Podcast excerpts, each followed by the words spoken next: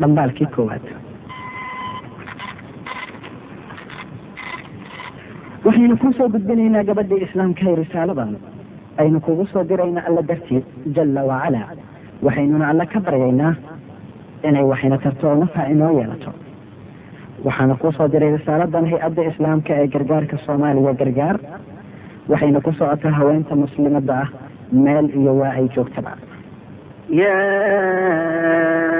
أيها النبي قل لأن كنتن تردن الحياة الدنيا وزينتها فتعالين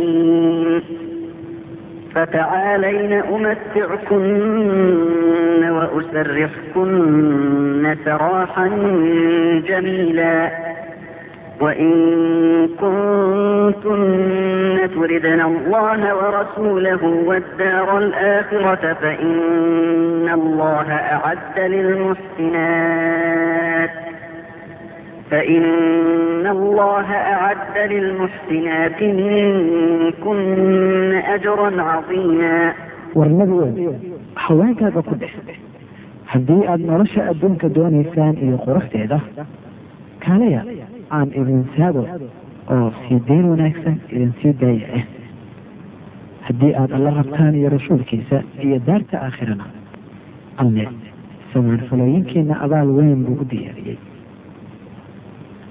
In alxamdu lilah naxmaduhu wanastaciinuhu wanastakfiruhu wanacuudu billahi min shuruuri anfusina wamin sayi'aati acmaalina man yahdihi allahu falaa mudila lah waman yudlil falaa haadiya lah. وأشهد أن لا إله إلا الله وحده لا شريك له وأشهد أن محمدا عبده ورسوله. أما بعد walaashayda muslimadda ahayd dhoortadii diintay xaruntii dacwaday hidadiiladii mujtamacanay ogow in alla kor ahaaye oo ku sharfay oo uu kugu hanuuniyey diintan waa sidaas wallaahi nacam haddii qof dadka ka mid ahi uu leeyahay jawharad jawaahirta ka mid ah wuu ilaalin lahaa oo dhowri lahaa wuuna ka fogeyn lahaa indhaha dadka iyo meesha xumaani ka soo gaaraysaba sidaa awgeed walaashay muslimadda ahayd alle wuu ku darajeeyey wuxuuna kugu xafiday sharcigiisa markaasaad noqotay jawharadii mujtamacan ee la dhowray nacam alle wuxuu soo dejiyey suuradan oo qur'aan ah oo la yidhaahdo suurat annisaa dumarka wuxuu kaloo soo dejiyey suurad la yidhaahdo maryam oo wuu ku sharfay soona dejiyey suurad la yidhaahdo almujaadila wuxuuna kugu gaar yeelay kitaabkiisa dhexdiisa axkaam dhowr ah waxaasoo dhan raggu waxba kuma lahayn haba ahaadeen kuwa si guud loola hadlaya haddaba adiga addoontii allahay adiga doortidii diintahay adiga xaruntii dacwaday tusaalahaaga iyo kudayashadaadu waa khadiija binti khuwaylid allaha ka raali noqdee qalbigii u horeeyey ee rumeeyey risaaladii nebi moxamed sala allahu calayhi wasalam waxaynu kuu soo gudbinaynaa gabadhii islaamkay oo aan kuu hidaynaynaa dhambaalkan aan kuugu soo diraynaa alla dartii. Waxaynu alle ka baryaynaa inuu inagu anfaco. Sidee baynu ula hadlayn haweenka? Waana haweenka kuwii rumeeyey risaaladii moxamed sala allahu calayhi wasalam haweenta muslimadda ahi waa haweeney caalimada tanaga waa hooyadii mu'miniinta caaisha binti abubakar allaha ka raali noqdee xaaskii nabiga sala allahu calayhi wasalam tii alla wax fahansiiyey. Ee ahayd tii laga soo ceeb tiray toddoba sano korkood. Wuxuu ka geeriyooday nabiga sala allahu calayhi wasalam iyadoo sideed iyo toban jir ah. Sida ay tahayna waxaa ku fiday dhulka oy ka buuxisay cilmi iyo aqoon. Waxay ku ahayd horyaal oo kor ka haysay in badan oo sunnada iyo axaadiista nabiga ah sala allahu calayhi wasalam oo ay u soo warisay facyadii dambe. Wuxuu yihi zuhri mar uu ka waramayo caaisha haddii la soo ururiyo cilmiga caaisha iyo cilmiga dumarka kale waxaa badnaan lahaa oo ficnaan lahaa cilmiga caaisha. Tanina waa gabadhii uu dhalay saciid ibni musayib markii uu ninkeedii la aqal galay isagoo ka mid ahaa xer cilmiga ka raacata saciid. Markii uu subaxii kacay oo dharkiisii gashaday isagoo raba inuu baxo bay ku tiri xaaskiisii xaggee aadaysaa oo rabtaa? Wuxuu yidhi waxaan aadayaa golihii saciid oo aan cilmi ka soo baranayo dabadeed waxay ku tiri fariiso anigaa ku baraya cilmigii saciid. Markaabuu ka helay oo ka bartay cilmigii uu ka baran jiray saciid. Allaha ka raali noqdee ogow addoontii allaay ogow dhoortadii diintaay oo dhegaysa qisadan. Wuxuu yihi curwa waxaan ahaa subax kasta markii uu waaga baryo kii ka bilaaba socodka guriga caaisha. Allaha ka raali noqde markaasaan salaami jiray subax subaxyada ka mid ah ayaan ku soo ka lahay saawaaba iyadii oo taagan oo tukanaysa oo akhriyaysa qowlka alle famana allahu calayna wawaqaanaa cadaaba asamuum markaabuu alla inoo nicmeeyey oo inaga dowray cadaabta holaca badan oo ducaysanaysa oo ooyeysa kuna celcelinaysa ducada ilaa aan ku daalay istaaggii buu yidhi dabadeed waxaan aaday suuqii si aan uga soo qabsado xaajadeydii dabadeed waan ku soo noqday saa weli waa taagan tahay oo tukanaysaa ducaysanaysaana haddaba hadday dumarka yihiin sida aan soo sheegnay fadli badan bay ka sidan lahayeen in badan oo ragga ah. Waad og tihiinoo ma aha dhidigeynta magaca qoraxda iyo in shams la yidhaahdo ceeb. Labnimada magaca dayixuna iyo in la yidhaahdo hilaal uma aha ragga faan. Nin ayaa wuxuu yidhi waxaan u baxay maalin maalmaha ka mida suuqa. Waxaana ila socotay jaariyad xabashiyada. Waxaan joojiyey meel suuqii ka mid ah waxaana u kacay wax xoogay dana ah. Waxaan ku idhi gabadhii jaariyadda ahayd ha ka dhaqaaqin halkaas ilaa aan kugu soo noqdo. Waxaan imi iyadii oo ka tagtay meeshii waan carooday waxaanana u kacay xaggii guriga. Markii aan gurigii galay ayay gartay cadhada wejigayga saaran. Markaasay tiri weligaygiiow haygu degdegin. Waxaad i fariisisay. Meel aan ku arag wax alle xusaya. Dabadeed waxaan ka cabsaday in alla meesha nala gooyo wuxuu yidhi waxaan la yaabay hadalkeedii. Waxaanan ku idhi alla dartii ayaad xor u tahay waxay iigu jawaabtay si xun baad yeeshay. Waan kuu shaqaynayay. Waxaanana helayay laba ajar laakiin hadda midkood ayaa iga lumay. Wuxuu yihi abu calaa assacdi waxaa jirtay gabar aanu ilmo adeer ahayn oo la oran jiray bariira. Waxay ahayd mid ilaahay ka cabsata. Waxay aada u akriyi jirtay kitaabka qur'aanka ah. Mar kasta ay soo gaadho aayad sheegaysa cadaab way ooyi jirtay mana aynan deeni jirin oohinta ilaa ay ka indhabeeshay oohintii darteed wuxuu yihi in adeerkeed inoo geeya haweenayda aan oohinta qaar ka dhinne markay u soo galeen ayaa waxay ku yidhaahdeen bariira iska waran oo maxaad ku bariday? Waxay tiri marti baynu nahay joogta ardo qurbo waxaana sugaynaa marka naloo yeeri doono inagoo ajiibayna waxaynuna ku nari imisaad ooyeysay oohintan ku indha tirtay waxay tiri haddii ay indhahaygu alla agtiisa ku leeyihiin khayr wax dhiba kuma hayaan wixii adduunka ku soo gaara. Haddayse alla agtiisa ku leeyihiin shar waxay kororsan doonaan oohin iyo dhibaato taa ka fara badan. Markaasay iska jeesatay markaasay qoomkii yidhaahdeen intay yaabeen ina kiciya allabaan ku dhaarane waxay ku sugan tahay waxaynan ku sugnayne walaashay muslimada ahay kuwani waa dhowr tusaale. Ee walaalaha muslimadaha ah ee ah kuwa aad tiigsanayso ku dayashadana leh bal ka fakar sida ay ahaayeen iyo camalkoodii iyo hadalkoodii siduu ahaa iyo shaqadoodii. Walaashayay fiiri oo ku fiiri inla aqooneed iyo wax ku qaadasho xaalka ay ku sugan yihiin dumarka maanta jooga badankood imise iyo imise dumarka maanta jira ayaa u soo daadega suuqyada oo wareegaya iyagoo dan kale ama aan wax dan aba ka lahayn. Balse waxaa laga yaabaa inay ugu soo degaan waxaan qiimo lahayn xun waxaabase badan inta u socota fasahaad oo aan alla ka baqayn. Waxay qaarkood soo daadegaan iyagoo aan xijaabnayn iyagoo haddana islaam sheegan. Oo og in alla qur'aanka uu ku amray nebiguna axaadiista inay dhab oogadooda u asturaan kolkay dabadda u soo baxayaan iyo kolkay ka agdhow yihiin raggayaankooda ah.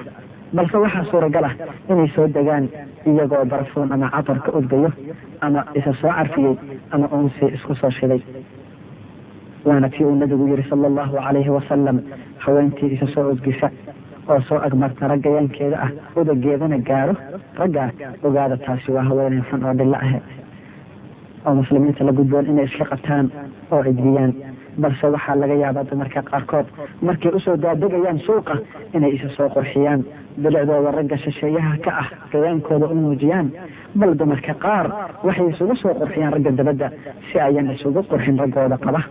Balse waxaa laga yaabaa inay la soo degaan niman shisheeye ama gawaarida la soo fuulaan ama inay waddooyinka ku laafyoodaan. Xaggee joognaa innaga xaggeyse joogaan haweenkaasi.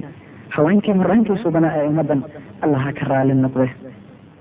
Mid ka mida dumarka maanta ee xun ayaa isu taagaysa si ay u iibsato wixii alla xarimay si ay u dhegaysato heesaha iyo fanka furmoon ee alla xarimay una fiirsato wax alla xaramay sida musalsalaadka iyo riwaayadaha ay dhigaan dhilayada iyo dhilooyinka ama si ay u akrisato wargeysada iyo majallaadka iyo buugta ay qoraan wax madgaradka iyo juhalada ka doohan dhaqanka suuban iyo diinteenna daahirka ah. Haweenta ismoogta ah ee ku degan dhalanteedka xadaarada reer galbeedka ee ka musallafay oo kacay xagga akhlaaqda iyo dhaqanka wanaagsan. Amaba ku degan caadaad iyo dhaqan aan ab iyo isr ulahayn taasi degan ma oga aqoonna uma leh la xiriira dhaqanka wanaagsan iyo diinteenna daahirka. Ah laakiinse haddii aada su'aasha laxanada heesaha iyo sheekooyin shaydaanka iyo riwaayadaha xunxun iyo filimada hindiga iyo kuwa kaleba ee la ah way kaaga jawaabaysaa si aftahanimo leh iyo wa faraxsan sidaa daraanteed waxaan jeclaysanay inaan kugula faqno wanaag oo dhagaha si hoose kugu sheegno walaashay muslimada ahayd raalliyada ah mu'minada ah ee tukata ee jecel alla iyo rasuulkiisa sala allahu calayhi wasalam dhegayso walaashayay dhegayso walaal waanadan ay inoo soo gudbisay mid kamida kuwii alla ka cabsaday. Waxay tiri qorax soo baxda. Ama dhacdo ma jirin. Ama dhaqaaq la maqlo. Ama cag la dhigo aanan moodin in geeriyo la socoto. Waxay kaloo odhan jirtay. Warda degan meel loo sheegay in geedi laga yahay iyaguna wareersan yihiin oo orad iyo rucle kala galay muddadii la siiyey. Sida ay yihiin cid kale kuwa geediga ah ama loo digay. Ma caqli iyo caaqnimo ka wandaa jirtataa hoog waxaa leh xamaanfalayaasha ee ku hodan nolosha adduunka xuquuqdiina dayacay iyo xelalkii alla weyne saaray. Waxaa lagu yidhi ibraahim ibnu adham meel wixii camaray dhulka. Dabadeed gacanta ayuu qabtay kii wax su'aalayay wuxuuna u kaxeeyey xagga xabaalaha wuxuuna ku yihi xaggan ayay ku jiraan wixii dhulka camiray waxaa la yidhi daar ma jirta geerida dabadeed. Qofka uu degayo aan ahayn kii uu dhistay geerida horteed. Haddii uu khayr ku dhisay daar wanaagsan baa u ahaatay. Haddii uu shar ku dhisay waxaa hooga kii dhistay. Walaalay cidadiiladii umadanayd ma ka fakarta mawdka iyo sakaraadkiisa adeegiisa iyo qaraarkiisa geeridaa ugu filan qofka cibrad iyo waana qaadasho geeridaa ugu filan qofka cibrad iyo waana qaadasho mawdku waa qalbi dilaacshe waa macaansi gooye waa dad kala geeye waa hawo jare ma ka fakartay walaasha muslimadda ah addoontii allahy maxmiyadii diintahay maalinta dhimashadaada adigoo ka tegaya waasicnimada una guuraya ciriiriga iilka adigoo ka tegaya iftiinka una gelaya mugdi daran. Oo gudcur madoob ah. Nacam daartii aad ku jirtay baad qabri ka gelaysaa waxaad ka tegi jeefkii iyo gobashii macaaneyd iyo asxaabtii iyo ehelkii.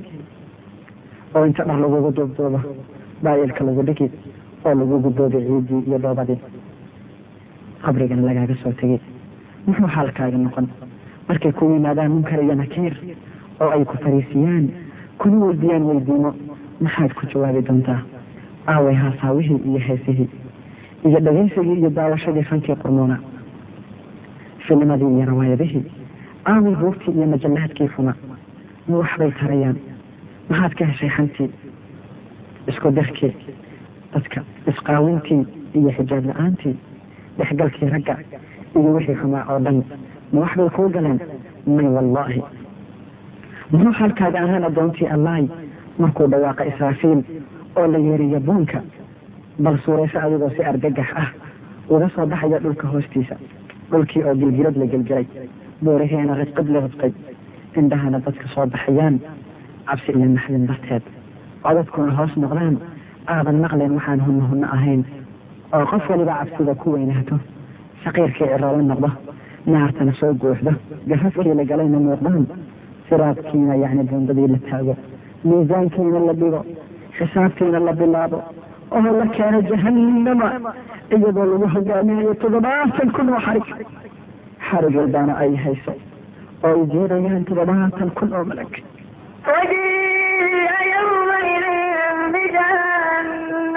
وجيء يومئذ بجهنم وجيء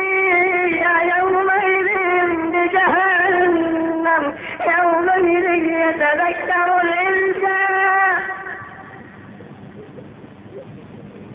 يومئذ يتذكر الإنسان وأنى له الذكرى يقول يا ليتني قدمت لحياتي فيومئذ لا يعذب عذابه أحد ولا يوثق وثابه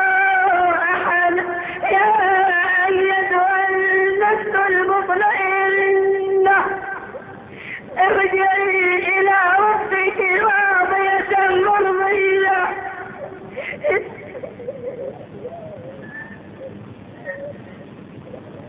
يا ايتها النفس المطمئنة ارجعي الى ربك راضية ارجعي الى ربك راضية مرضية فادخلي وادخلي جنتي jahanamana la keeno maalintaabuu aadanahu waansani oo maxay markaa waantooduda u tari wuxuu dhihi hoogayay maxaan noloshaydan dambe ee iyadoo tan dhabta ah ugu shaqaysan waayey maalintaa cid wax u cadaabta ma jirta siduu allah wax u cadaabi doono cid wax u xirxirtaana ma jirto siduu alla wax u xirxiri doono waxaana lagu odhan naf kastoo alla u hogaansanayd naftan deganayd u noqo rabbigaa adigoo raalli ah raallina lagaa yahay galna addoommadayda dhexdooda oo gal jannada markaana markaana walaashay muslimadda ahayd kitaabkii marag furo kelimadii iyo qaraabadiina go'do badana inta qof gabooday ee odhanaya gabowgeygiyey badanaana inta garmadooda ah ee ku dhawaaqaya codkiisa u dheer hoogayay jazihina ay yaqiinsadaan faajirad iyo faajir kasta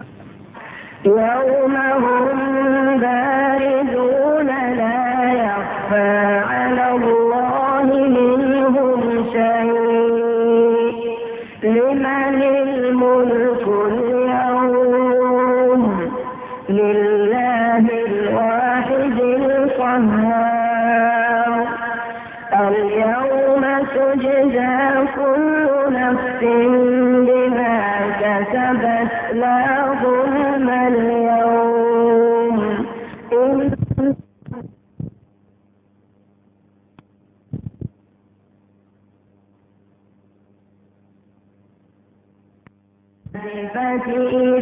القلوب لدى الحناجر كاظمين ما للظالمين من حميم شفيع يطاع umuurihiina oo ay isbedeleen umuurihiina ay isbedeleen ay dadkiina ku habsatay dhibaatooyin aanay ka bixi karin. Ee maxaa diyaasatay ismoogey imise ayaa kitaabkaagu ku yaal gafas iyo macaasi? Imisaa ku dhex jira camalkaaga sahwi iyo khalaq dhimashadaadina waa soo dhawaatay. Imisaa dayacday? Oo waajib iyo faral ah. Imisaad murisay axdi la adkeeyay? Imisaad samaysay wax alla xarmay dhegayso dhegayso maxniyadii diintahay hiruduuladii ummadanay tii wanaagga ilaalinaysay tii iimaanka doorisay dhegayso qaf dumar ah ayaa u timi caaisha allaha ka raali noqde iyadoo ka ashtakoonaysa qalbi qalal ku dhacay minay ku jiraan dumarka maanta mid ka soo sheeganaysa qalbi qalal may wallaahi mid alla u naxariistay maahe markaabay kula dardaarantay dardaarankii rasuulkii alle sala allahu calayhi wasalam iyo waanadiisa ahayd xusuusnaada oo ha iloobina macaansi gooyaha yacni geerida. Nacam sidaabay kula dardaarantay haweenaydii. Markaasay bil kadib ku soo noqotay caaisha allaha ka raali noqdeen oo ku tiri jazaaki illaahi khayra allaha kaa abaalmariyo waanadii aada ii dardaarantay. Maxay waan ku dhantahay geeridu? Walaashay muslimadda ahayd. Waxaynu maqalay ood maqashay. Oo aan aragnay ood aragtay dumar badanaan aqoon danna u gelin nolosha adduunka waxaan ahayn. Ee ka fakara oo keliya moodooyinka cusub ee dharka. Bal waxaa caado u noqotay qaar badan oo dumarka ah inay ku holmadaan raadin hadda moodadii soo baxda. Suuragalna ma aha inay dhaafaan. Wixii hadda cusub ee yahuudda iyo kiristaanka iyo kuwa dabada u ahay soo saaraan. Laakiinse wallaahi haddii la weydiiyo midood wax ka mida kitaabka alle. Ama tiirarka salaada ama haddii lagu yidhaahdo maxaad u horumarsatay noloshaada dambe ee dhabta ah? Ee aada ku waarayso ayan kelmad kuga jawaabteen. Bal waxaa suuragal ah inayan waxba ka aqoon. Alla doohnaan badana qafladda ay ku jiraanna weyna. Waxaan kaaga degaynaa oo haddana kaaga degaynaa waxaan kaaga degaynaa oo kaaga degaynaa addoontii allahi waxaan kaaga degaynaa dhoohnaanta iyo ismoogaanta imise ayaadka allah baana lagu akriyaa laakiin meeda ku ciba qaadashadii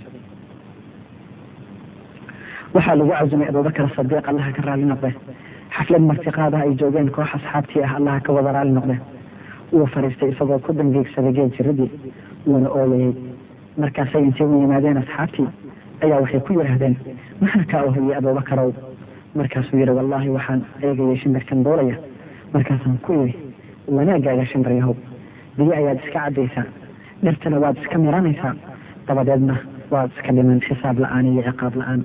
Annaguse xisaab iyo ciqaab baa jirta. Cumar ibni khadaab allaha ka raali noqde maalintii geerida u timi wuxuu ku yidhi wiilkiisii cabdullaahi madaxa ciidda iidhig madaxa ciidda iidhig cabdullaahi. Ma yeelin arrintii? Wuu miyir galay cumar markaas buu haddana soo baraarugoo miyirsaday oo haddana ku yidhi wiilkaygiyow iidhig madaxa ciidda. Markaasaa wiilkii yidhi abow maxaa dhib ku jira haddii aan madaxa ciidda kuu dhigo ama uu boodadeeda saarnaado wuxuu yidhi cumar wiilkaygiiyo madaxa ciidda iidhig hoogayga iyo hooga hooyaday. Haddii aan alle ii naxariisan markaa waxaa u soo galay ibnu cabbaas oo ku yidhi bishaarayso amiirkii mu'miniintow. Wuxuu yidhi hayooran amiirkii mu'miniintow. Waxaan maanta u kalahsanahay xaggii aakhiro markaasuu ku yidhi bishaarayso waad muslimta islaamkaagiina wuxuu noqday guul oo waad haajartay haajiradaadiina waxay noqotay furasho oo waxaad qabatay xukunkii iyo khilaafadii khilaafadaadiina waxay ahayd naxariis wuxuu yidhi cumar wallaahi ibni cabbaasow waxaan rabi lahaa inaan waxba laygu lahayn ama aanan lahayn waxba wallaahi wallaahi haddii uu dhawaaqa mid dhawaaqayo ardulmaxsharka korkeeda oo uu yidhaahdo ahlu maxsharkow dhammaantiin jannadaad galaysaan mid mooyaane waxaan fili lahaa inuu yahay ibnu khadaab alla baan ku dhaartay haddii aan lahaan lahaa arlada mudgeeda dahab ah waxaan iskaga furan lahaa cadaabka alle. Wuxuu ahaa cismaan allaha ka raali noqdee haddii uu soo mara xabaalo kii ooya oo hin daran. Markaasaa waxaa lagu yidhi amiirkii mu'miniintow maxaad la markii aad xabaalaha aragto? Wuxuu yidhi waa dhab waxaan maqlay rasuulkii alla sala allahu calayhi wasalam oo leh wax indha la saaro oo qabriga ka darani ma jiro wax indha la saaro oo qabriga ka darani ma jiro. Haddii loo fududeeyo qofka qabriga dhexdiisa wixii ka sii dambeeyo ka fudud haddii lagu adkeeyose wixii ka dambeeyaana ka sii adag. Cali bin abi aalib wuxuu soo mari jiray xabaalaha. Dhegeysa wuxuu oran jiray. Wuxuu mari jiray qabuurta wuxuu oran jiray ahlu qabuurkow muuqaalkiina soo waa wax wanaagsan. Hoostiinana waa wax alla laga kaalmaysto. Wuxuu oran jiray ha ku dagmina deganaanta qabuuraha iyo xasaniimadooda imise naf ayaa dhexdeeda lagu cadaabaya imise naf ayaase dhexdeeda lagu imtixaanaya haruuna rashiid ayaa wuxuu dhisay daarweyn wuxuuna ku wareejiyey darbi wuuna qurxiye oo hagaajiye oo goglay. Dabadeed wuxuu isugu yeeray umaradii iyo wasiiradii iyo gabyaayadii si ay munaasabada guriga uga hadlaan oo wax uga sheegaan. Nin walba wixii uu oran karayey ayuu yidhi ilaa ay soo gaadhay gabyaagii zuhdiga badnaa abulcataahiya markaasuu haraan yiri abulcataahiya maxaad ka leedahay aniga iyo guriga? Markaasuu yidhi intaa doonto nolow adigoo nabada adigoo hoos harsanaya daaradaa dheer beerahood oo waxaa doonta subaxii galaba lagu keenayo. Kadibna muxuu yidhi wuxuu yidhi markaysa nafta dhunyoorista gaadho. Markaas baad ogaan markaas baad ogaan inaadan ku jirin waxaanan hubnaan ahayn haa wallaahi markay naftu soo gaadho xoolmariidka iyo xididka dunta markaabaad ogaan inaadan hubnaan mooye wax kale aadan ku sugnayn. Yaziid bin raqaashi wuxuu yidhi waxaan u soo galay caadad alla yaqaan ah. Ee dhegeysa addoontay allay dhegeyso walaashayda muslimada ahay qisadan. Waxaa ku sugan ku jira cibrad iyo waano.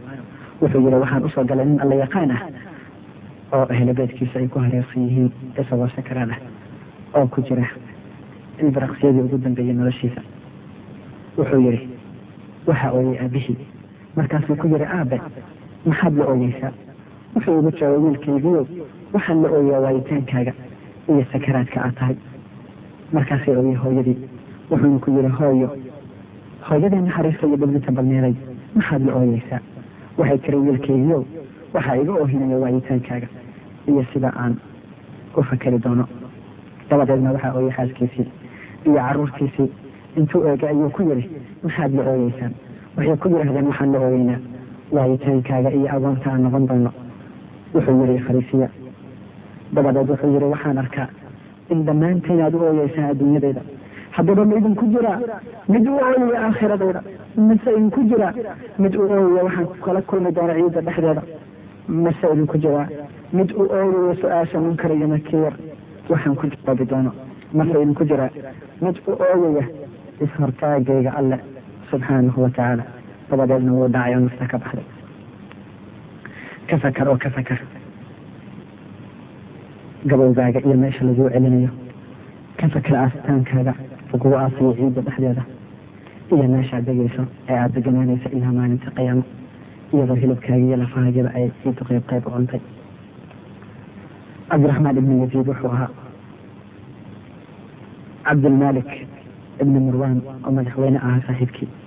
Markii uu dhintay cabdilmalik oo dadkii qabrigiisa ka noqdeen intuu iskortaagay cabdiraxmaan qabriga ayuu yiri waa adiga cabdilmalik ee inta wax i ballan qaada aan ku rajo weynaa oo haddaad goodaysana baqi jiray waxaad waardagaysatay adigoo aan mulkigaagii ka siidan waxaan ahayn ka fancad kumana lihin dhulka waxaan ahayn afar dhudan ee ballaceedu yahay laba dhudun dabadeed wuxuu u laabtay reerkiisii. Wuxuuna ku dadaalay cibaadadii. Ilaa uu ka gaaray meel aada u fiican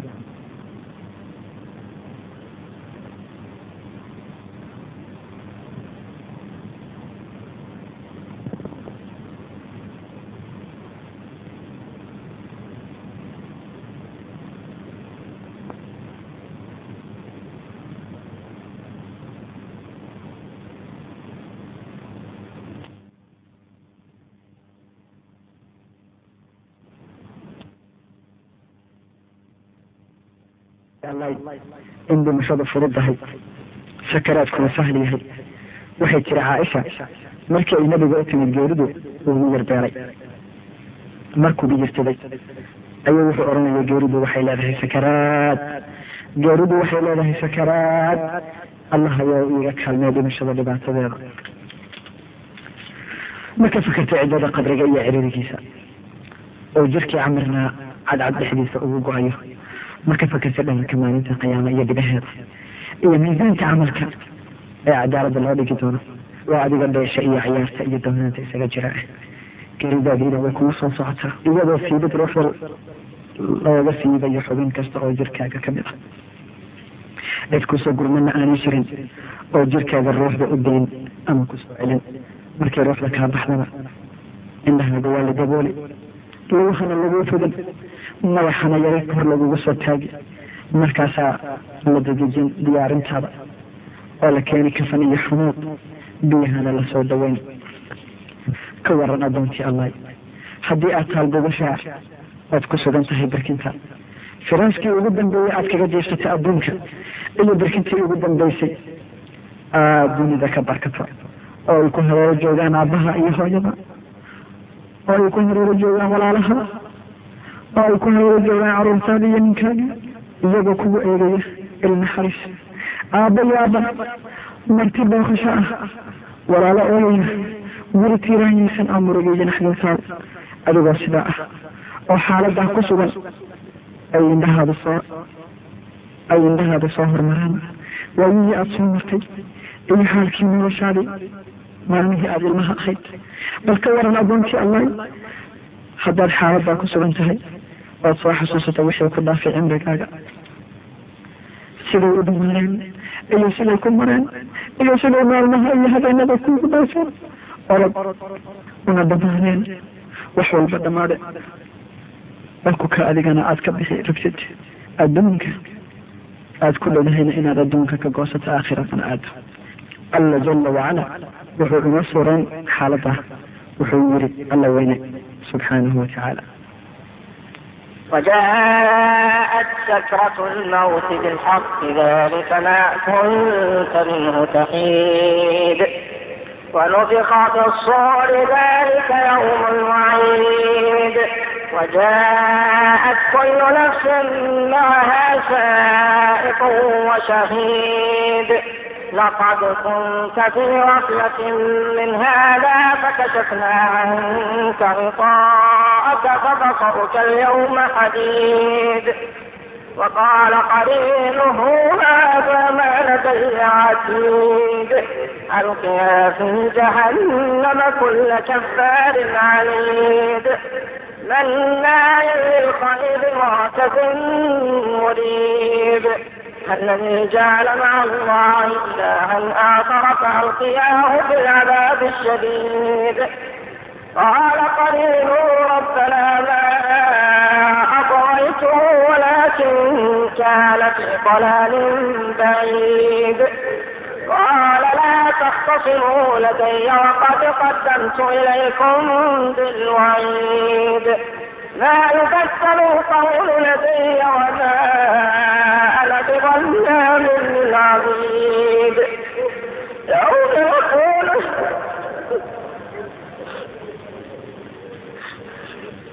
يوم نقول لجهنم هل امتلأت وتقول هل من مزيد وأزلفت الجنة للمتقين غير بعيد هذا ما توعدون لكل أواب حفيظ من خشي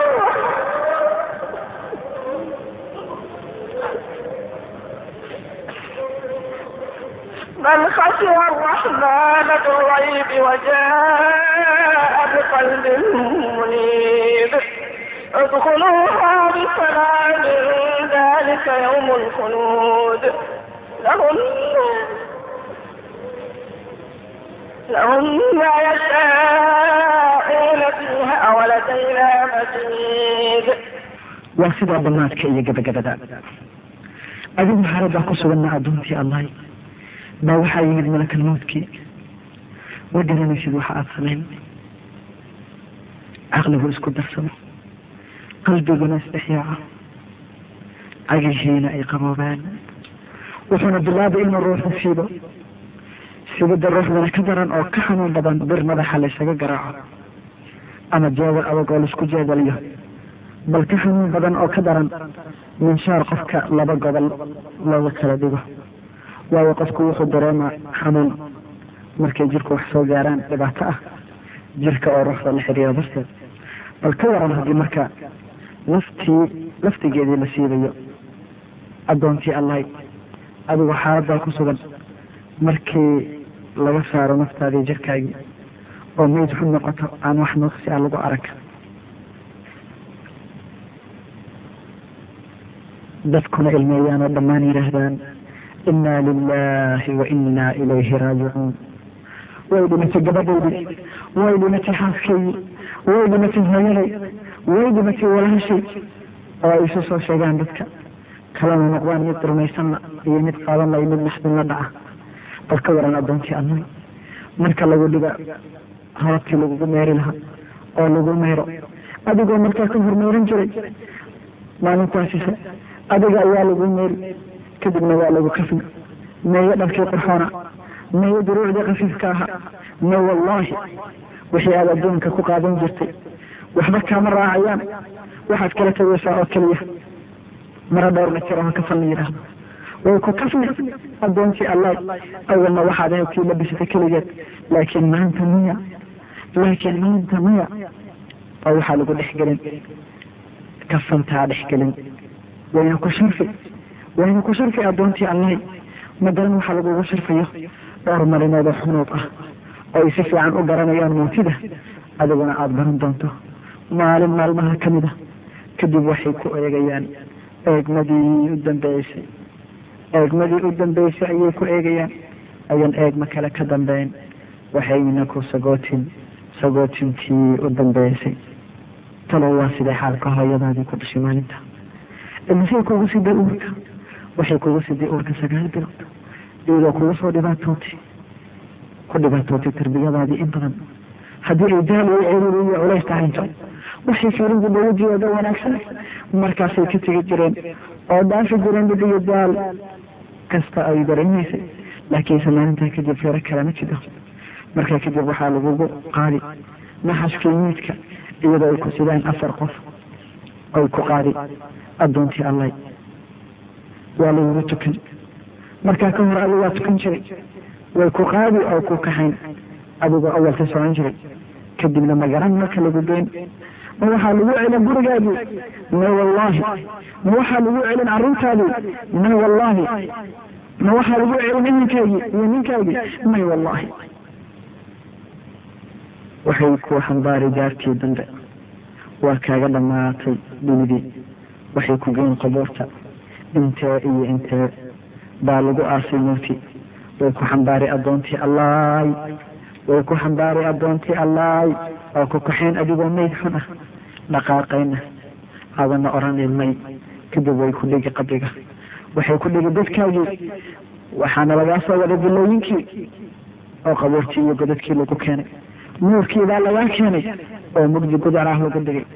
Markaasaa markaasi markaasi lagu dhigi iilka waxaa u daadegaya hoos sagaaladaadii waxayna kuu dhigi oo kuu birkin birkin dhagax ah kadib waxay oran ka soo bixiya hebel iyo hebel qof oranayo ma jiro ii soo bixiya gabadhayda ama waa walaamshay keligaaday kaaga tegayaan meesha addoontii allah kadib waxaa soo baxaya labadii nin ee qabriga ku dhigay.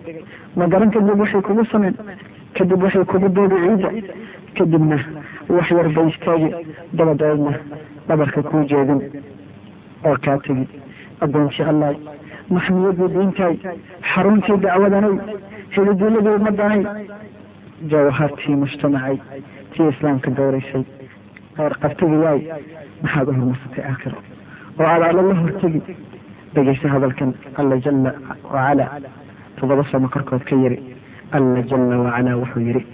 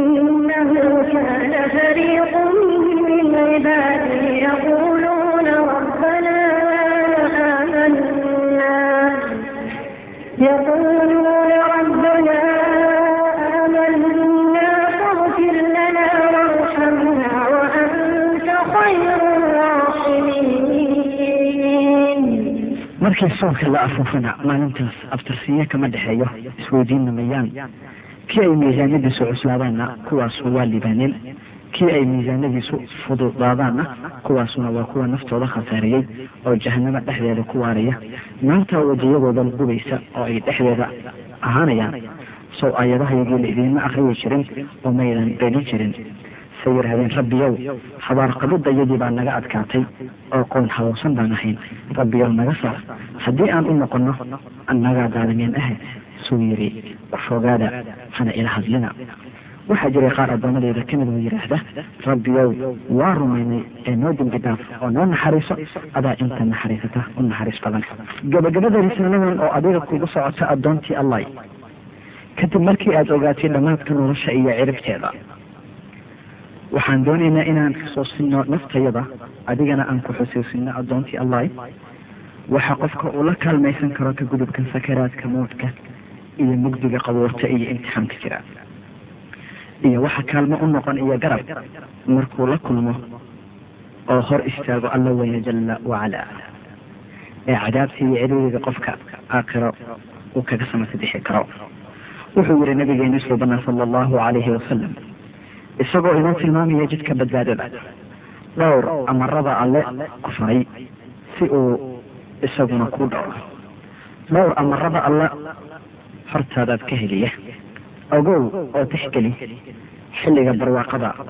Alle ha iska kaashi saaree marka dhibaatada ku hayso. Haddii aada cid wax weydiisanaysidna alla oo keliya weydiiso.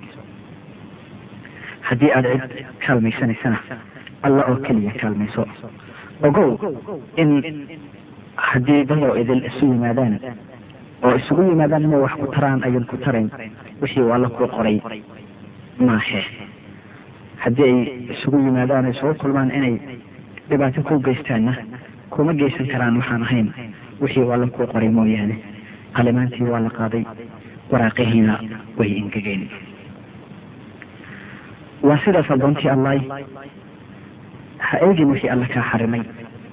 Ha u fidin gacantaada wixii alla kaa xarimay ha ku hadlin waxun cidnana ha xaman qofna waxa ka sheegin hadal wanaagsan inaad ku hadasho ku dadaal codkaaduna ha gaagnaado oo hadal tanaaga ah iyo cay iyo habaarka carruurtii walaalaha iska ilaali ha dhegaysan walaashii muslimadda ahay wixii alla xarimay sida xanta heesaha xun ee dhilaysiga iyo xiriirada xun qurxiya ee dhiirogeliya ha u muujin bilicda iyo quruxdaada waxaan ahay ninkaaga iyo kuwa aan ku geyin aan marnaba inay ku guursadeen u banaanayn sida wiilashaada aabbaha awowga walaalkaa la dhashay adeerka aabbaha la dhashay abtigaa hooyadaa la dhashay iyo wax la mid ah.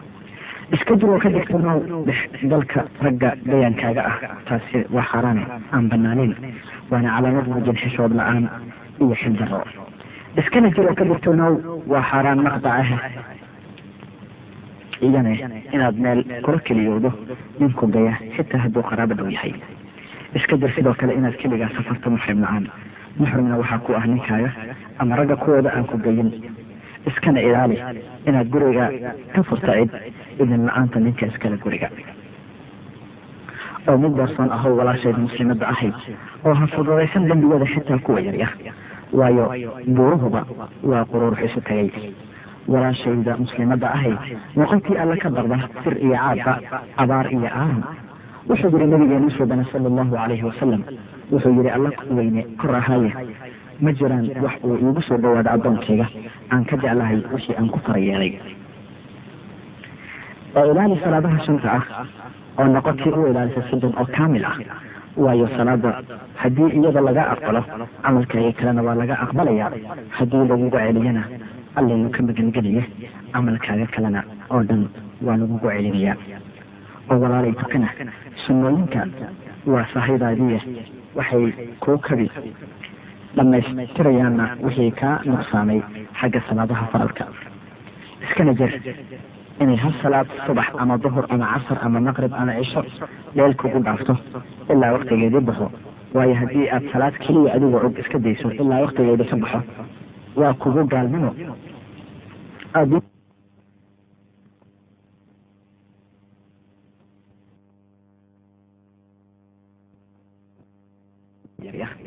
Waayo buuruhuba waa quruurux isu tagay.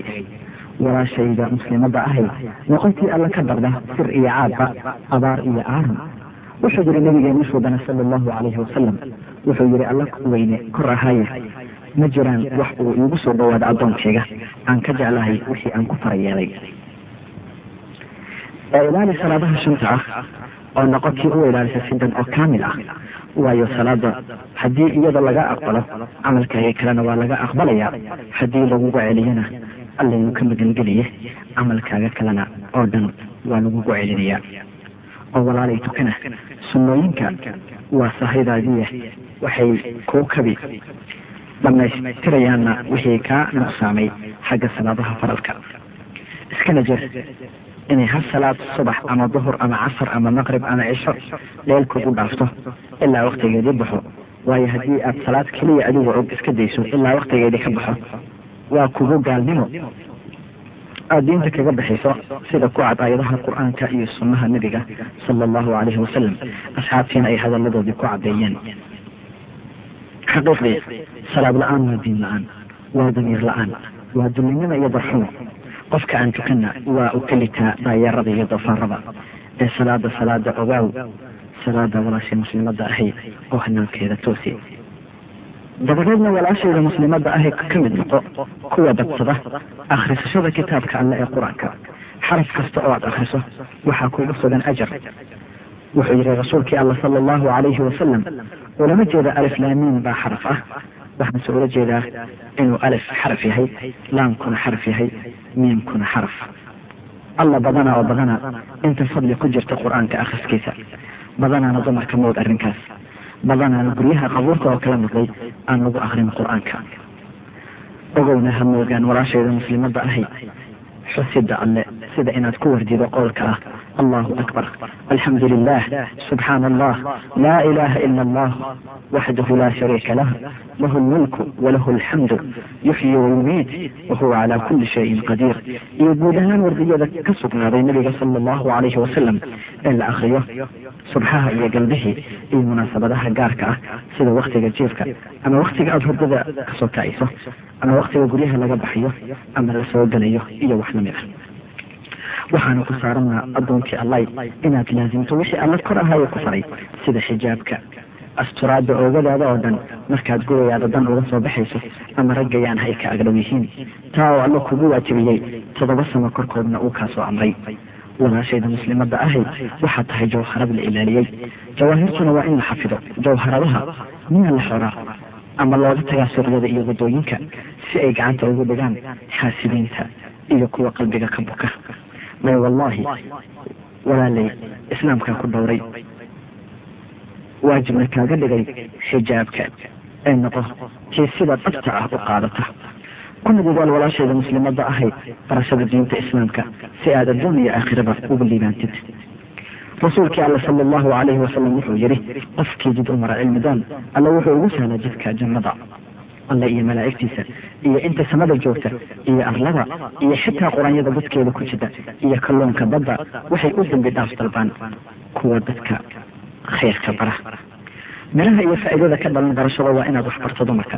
Diinta iyo wanaagga aada ugu yeerto ugu yeerto xurmadda xushmada xijaabka iyo xishoodka. Gaarsiisa diintii alle wanaagga farta xumaantana reebta. Ugu dambayntii walaashayda muslimadda ahay haddii aad cid kala saaxiibayso dumarka waxaad kala saaxiibtaa kuwa ah raaliyooyinka dhoorsoon ee rakooda iyo sujuudda badan muslimadaha ah iyo mu'minadaha ee xusa alla in badan. Waayo kuwa waa ka mid saadka garabka iyo kaalmada ku noqon aakhirada. Asأl اllaha jala wacalaa an yuwfiqanaa ilaa ma yuxibu wayarda wayajcalanaa hudaata muhtadiin allahuma anis waxshatanaa fi lqubuur اللهم آنس وحشتنا في القبور اللهم وآت نفوسنا تقواها وزكها أنت خير من زكاها أنت وليها ومولاها اللهم اغفر لنا وارحمنا من قبل أن يقول الشيخ الكبير وشيبتاه ومن قبل أن يقول العاصي وخيبتاه سبحان ربك رب العزة عما يصفون وسلام على المرسلين والحمد لله رب العالمين والسلام عليكم ورحمة الله وبركاته ونساء النبي لستن كأحد من النساء إن اتقيتن فلا تخضعن بالقول فيطمع الذي في قلبه مرض وقلن قولا معروفا وقرن في بيوتكن ولا تبرجن تبرج الجاهلية الأولى وأقمنا الصلاة وأقمنا الصلاة وآتينا الزكاة وأطعنا الله ورسوله إنما يريد الله ليذهب عنكم الرجس أهل البيت ويطهركم تطهيراً واذكرن ما يتلى في بيوتكن من آيات الله والحكمة إن الله كان لطيفا خبيرا إن المسلمين والمسلمات والمؤمنين والمؤمنات والقانتين والقانتات والصادقين والصادقات والصابرين والصابرات والخاشعين والخاشعين والخاشعات والمتصدقين والمتصدقات والصائمين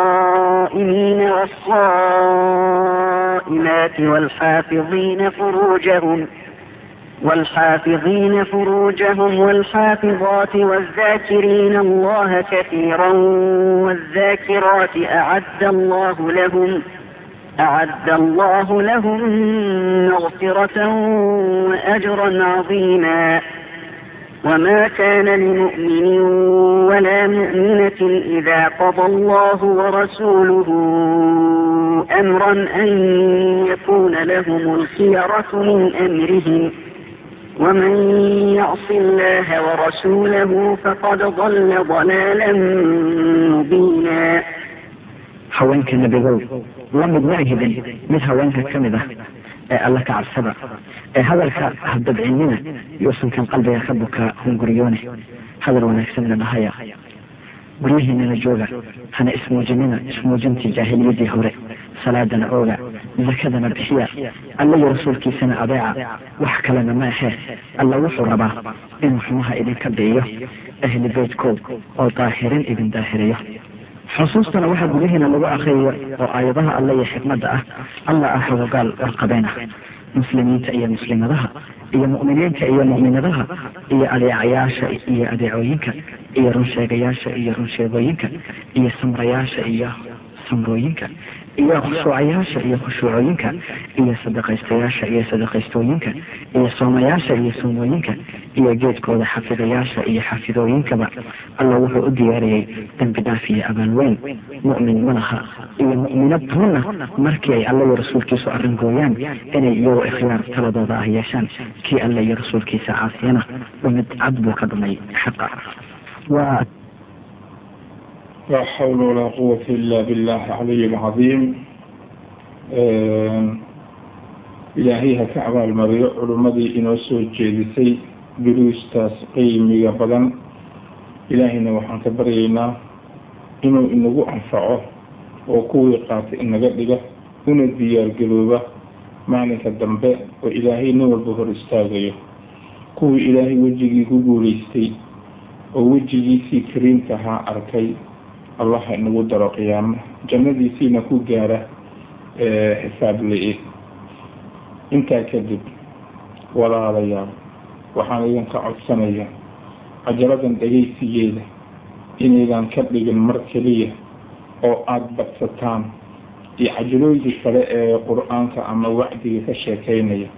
Waayo waxay idin xasuusinaysaa ama idin dhaweynaysaa rabbigii khaaliq ahaa ee ee ina abuurtay taasoo micnaha aanu markaasi ku khasbannahay qof kastaa inuu samaysto wixii maalinka qiyaamo uu kaga badbaadi lahaa cadaabta ilaahay uuna ku gaari lahaa wejiga kariimka ah ee eebeweyne subxaanahu watacaala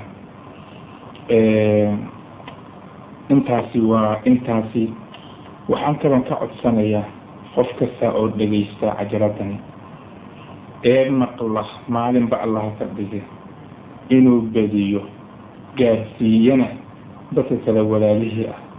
Lacala allahu laga yaabo inuu qof yacni darkii ku soo hanuuno qof baadi ahaa ood cajaladan gaarsiiso laga yaabo inuu ilaahay ku soo hanuuniyo liajliga haweenkooda isqaawiyo goonooyin xirta isqaawiyo diracya qaata isqaawiyo tintiina banayd oo goortiina banaanka soo dhiga saas baa saraftu ku jirtaa reer magaalnimadu ku jirtaa horumarka wadankuna ku jira sidaa ayaa aayadda ilaahay loo cabsiyey subxaanahu wa tacaala lidaa sidaa darteed gabar walba ee jirkeeda qarida ee asturta waxaa laga taxaa laga taxaabaa suuqyada waddamada islaamka gudaheeda ayadoo lagula dagaalamayo sayiga islaamka oon dembi kale oo loo hayaa la arkin waaga leeyahay dembi kale oo lagu qabsado ilaa inay jirkeeda qarida mooyaane waxay ku andacoonayaan oy ku tilmaamayaan duwal kale ayay ka socdaan wayna garanayaan.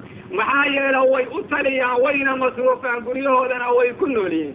Inaan dadka kalo meel kale dharka aysan ka xihan way garanayaan. Laakiin waxay la dagaalamayaan waa suuratu laxzaab waxay la dagaalamayaan waa suuratu nuur. Oo ilaahay ku odhanayo walyadribna biqumurihina calaa juyuubihina dumarku ha ku raariciyeen juyuubtooda qumurtooda. Qumurta waxaa loola jeedaa marada hagoogta ah oo sidatan dumarku u hagoogayihiin halkaa lagu soo raaricinayo dumarku ha ku soo raariciyeen buu odhanayaa ilaahay subxaanahu wa tacaala oo ha qariyeen xabadkooda iyo surkooda iyo dhinacyadooda.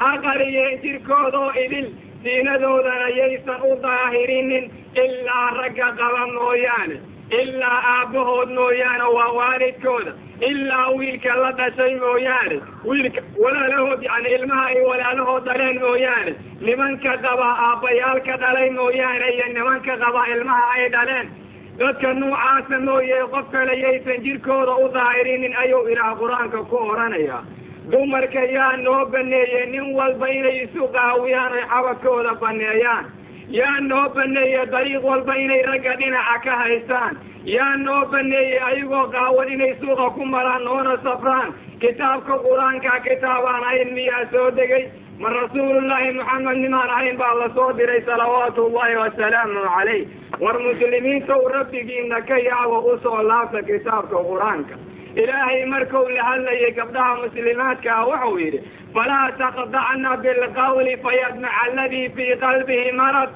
wal jirka iska fiiriya hadalkii baa laga hadlo waxaa la yidhi hadalkiina ha jilcinina oo daciifa ka dhiginina sida dadka qalbigooda ay shahwadu ku jirtaa aysan idiin dacmin. Macnaa idiin damcinaysan idiin doonin. Waa inaad hadal xaggan oo xoogla kula hadashaan oona isaga dhigin qof qofka. Ilaa haddaad hadalkaaga jilcido wau ku hawaysanayaa wuxuuna leeyahay gabadha way ku jeceshahay sidaa darteed ayuu waxyaalo aan loo baahnayn idinla imaanaya ayuu odhanayaa ilaahay subxaanahu wa tacaala hadal wanaagsan u idhaahda oo odhah wanaagsan kula hadla hadalkiinana ha jilcinina. Hadalkooda ayaa la koontaroolayaa jirkooda iska dhaafe. Maxaa yeelay nabigu wuxuu yidhi salawaatu ullahi wasalaamuhu calayh aniga gadaalkay ugama tegin fidno uga dhib uga dhib badan ragga dumarka wax walba waxaa ugu daran ragga ayuu odhanayaa dumarka. Hadalkooda jiracsan iyo jirkooda ay garanayaan oysan ka maarmaynin ayay ku fidnoobayaan buu odhanayaa salawaatu ullahi wasalaamu calayh. Lidaa sidaa darteed wuxuu soo naqliyey daarami xadiid ou odhanayo maalin walba oo waagu baryo qoraxdu soo baxdo malag baa wuxuu odhanayaa waadi naareed baa ragga u sugan xagga dumarka ayuu uga sugnaaday. Naagahana waadi naareed baa u sugan oo xagga dumarka ayuu uga sugnaaday. Way isi salaamayaan inay isi salaamaanna looma banaynin jirkooda ayaa istaabanaya oo meel bay iskula xaraysan yihiin. Way haasaabayaan waxna way wadaagayaan.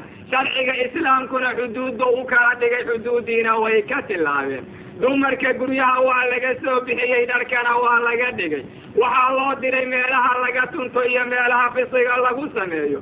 Waxaa lala dagaalamay aayaadkii ilaahay ee xagga munaselka rabbi ka yimid. Waxaana la qaatay artiikolla ay dadku diyaariyeen iyo aaraabay isku duween. Kitaabka ilaahay waa midaan tabdiiliyeyn iyo taxriif midnaba casri walba asagaa ku habboon in lagu dhaqmo. War ilaahay ha laga yaabo dumarka guryaha ha lagu celiyo war ilaahay ha laga yaabo dumarka dharka ha la siiyo. War ilaahay ha laga yaabo dumarka ha laga joojiyo bahalka layra casirka ay suuqa la marayaan. War ilaahay ha laga yaabo dumarka iyo ragga xaafiisyada ku wada jira ha la kala soco war ilaahay ha laga yaabee kuwa iskuulka dhiganaya ha la kala soco. War yaa ragga iyo dumarka labista ha loo kala bedelo. Saraawiil baa loo wada geliyo dharka yani tintu way u wada jaran tahay. Cayaaraha bay ka wada qayb galayaan. Xaflad walbay wada dhooban yihiin yaa amaama allahi mas'uulka ah. Waxaa mas'uulka ah alumaraa waalwaalidayn iyo waalculamaa iyo dadka hay'adaha mas'uulka ka waxaa dembi leediin inta kale oo makhluuqaa dembi aysan lahayn. Ninka amiirkaa wuxuu dembi leeyahay inta kaloo muslimiinta oo dembi aysan lahayn. Naag alla naagtii waddada qaawanaan ku marta in alla intay dambaabayso oo mas'uul ka yahay. Ninka dhala sidoo kale weeyaan maxaa yeele wuu soo diro lacag buu siiyey asagaa dharka khafiifka u iibiyey cayaaraha asagaa ku daray surweelkana asagaa ugu diray si iskuulada inay ku xaadirto. Ilaahay wou kugula xisaabtamayaa subxaanahu watacaala horumarna ku gaari mayno ilaa waxaad ku gaaraysaa burbur iyo dhibaato. War ilaah inka yaabo subxaanahu watacaala oo xaqa sidou yahay ha loo ilaaliyo. Nabigu wuxuu yidhi salawaatu ullahi wasalaamuhu calayh. Marka uu ka warramaye mawduuca kan lagu kala ilaalinayo ragga iyo dumarka wuxuu odhanayaa indhuhu way sinaysaan sinadooduna waa daymada carabku waa sinaysaa sinadiisuna waa in lagu hadlo. Qalbigu waa sinaysaa waana in looga fekero dheguhu waa sinaysaa waa in lagu dhegaysta alaabtaa sinada ku saabsan. Intaasoo idil waxaa u beeniya ama u rumeeya waa farjiga ayuu odhanayaa salawaatu ullahi wasalaamu calayh. War maanta indhihii waa laga sinaysay oo dhegihii waa laga sinaysay oo qalbigii waa laga sinaysay oo farjigii waa lagu dartay. oo dariiq alla dariiq aad martay sine ayaa lagu hayaa maxaa yeelay naag qaawan ayaa taagan. naagta qaawan ayadu waa zaaniyad ninka fiiriyaana waa zaani kale. ninka dharka u geliyey zaani weeye kan gaariga ku qaadayaana zaani kali weeye.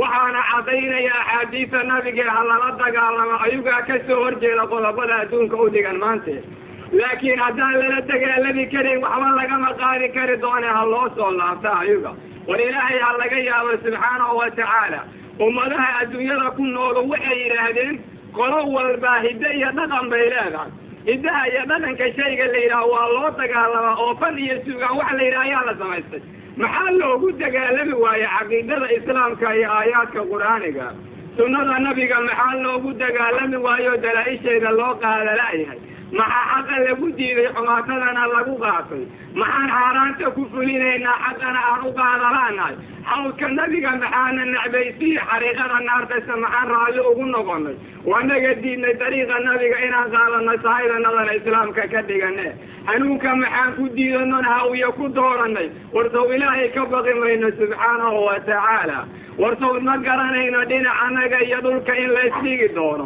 War qof walbow saw qabri iyo meel qarfaa lagugu qarin maayo saw qulun iyo maali iyo qashiin ugu quban maysi saw qaaba qawsayn qayla badan mayno saw hal qureenya iyo qaalin laysla hakaysiin maayo maxaa kugu kalifay kitaabka qur'aanka inaad qaado weydo maxaa kagu kalifay inaad nabigaada ku dayo weydo salawaatu ullahi wasalaamu calayh wuxuu nabigu nagu odhanayaa salawaatu ullahi wasalaamu calayh isa shayga la yidhaahdaa waa sahmi kamida gamuunada ibliiska wax ku ganta waa gamuun gamuunada ibliiska kamida shayga xaaraanta la yidhaha hadday ku dhacdo oodan ka elinin oo la sii raacdo qalbigaaga ayaa raacaya markaana waa dabagelin. Gabadhu way qurxoontoo naasaheedu ma jebin ayaad ku sheekay doontaa salkeedu waa dhaqdhaqaaqaya maxaa yeelay shaydaan baa kuu soo fuulaya. Sidaa darteed ayuu nabigu odhanayaa hadayinina ilaahayna qur'aanka wuxuu ku odhanayaa waqul lilmu'miniina yaquduu min absaarihim wayaxfaduu furuujahum dalika asgaa lahum ina allaha kabiirun bima yasnacuun war nabiyo waxaad ku tidhaahdaa ragga mu'miniinta laaba indhihiina indhahooda ha laabeene farjigiina ilaaliyo macaasiga ka dhowrsada kaas ayaa idiin dahiraansho iyo wanaag badane qaymihiina ayaa ku jira oo darajo wanaagsan ayaad ku gaadhaysaane sidaa markaad tidhaahda gabdhaha mu'minaadkaa waxaad ku tidhaahdaa indhihiina laaba farjigiina ilaaliyo ajnabiga ha fiirinina ragga ajnabigaa ha lahaasaabinina ragga ajnabigaa ha salaaminina jirkiina ha u banaynine jirkiina qariya ilaahay baa cadaabka idinka korinaya iyo xiriiriga xaqa ilaaliya oo xumaatata ka taga hawdka nabiga ayaa rabbi idin cabsiinayaa sidaa ku ihaadaa la yidhi gabdhaha sidaa hadday yeelaan adduun aakhiro waad liibaanaysaan ayuu odhanayaa rabbi subxaanahu wa tacaala. Dadka mu'miniinta waxaa la amrayaa inay aayaadka ilaahay sidooda u ilaaliyaan say adduun aakhira ku liibaanaan. Waayo ilaahay baa qur'aanka wuxuu ku odhanayaa munazelka dadka mutaqiinta ah waxay leeyihiin jannaad. Hoostooda ay webiyaala durdurayaan. Mutaqiintana waxaa la yidhaha dadka ka dhowrsada waxa ilaah ka xarimay waxa ilaah waajib uga dhigana la yimid kitaabka tansiilkaa ku camal falay dhimashada maalinteeda u diyaar garoobay nabiga sunnadiisa ilaaliyey allaha jaliilkaana mar walba ka baqanaya. Amaa dadka mujrimiinta cadaab ayaa lagu shubaya ayuu ilaah odhanayaa subxaanahu wa tacaala. Cadaabka wax ka soo saaraya iyo nin ka soo bixinaya ma jiro. Lagama yaabo in laguu shafeecayo haddaadan kitaabka qur'aanka iyo sunnada ilaalin hadday kula tahay islaanta qaawan oo adigu qaawiday oo tiril diracaan khafiifka qaadoo kaalayo iskuulka waxa kan ku dhigo oo markay gurgaada ku shallaysanayso itinta sagaal iyo labaatanka bekeri kala gelinayso aada raalli uga noqotay hadday kula tahay waa gabar muslimada ummatu maxamed ummadda nabiga loo soo diray ka mid ma ahan. Hadday ka mid noqoneed way ka baxday waayo nebigu wuxuu yidhi salawaatu ullahi wasalaamu calayh waxaa imaan doona laba sinfi oonan weli arkin. Jannada ilaahayna aan gelaynin carabteedana aan helaynin. Jannada alle carabteedana shan boqol oo sano meel loo socdo ayaa laga helaa. Qolada koowaad nabigu wuxuu ku tilmaamay inay yihiin qoon. Isku tilmaamaya inay ciidan yihiin oy nabadgelye ka shaqaynayaan. Garuumo ayay wataan iyo ula aadmoodo lo-da saymaheeda dadka ayay ku garaacaan xaqla-aan ayay ku dilaan. Meelayaa badan ayay dhigaan shayaadiinta ayayna u adeegaan. Dembiga qofka ma hubsadaane way garaacaan oo gacantooda ayay isticmaalaan. Magacyada ay leeyihiin nabigu wuxuu ku tilmaamay waa magacyada naarta magac kamida dadkaasu waa dad macruufa waana dad la garanayo. Sida la garanayo nin kastoo kamida aakhirkiisa jirkiisa waxaa ku dhacaa lulasho iyo gilgil mana laga yaabo ilaahay inuu ka saaro subxaanahu wa tacaala. Waayo xaqa islaamka ayuu qaba. Daalimiin bayna u badan yihiin diintana ma ilaaliyaan mana daryadeeyaan. Waxayna la mid yihiin kilaabta oo kale eyga meesha loo dirsada ayuu ku cararaa. Si alla meel alla meesha loo diray ayaguna u cararayaan. Waa qoladou nebigu yidhi salawaatu ullahi wasalaamu calayh aniga ay ilaah baa lacnaday. Aniga ayaa lacnaday.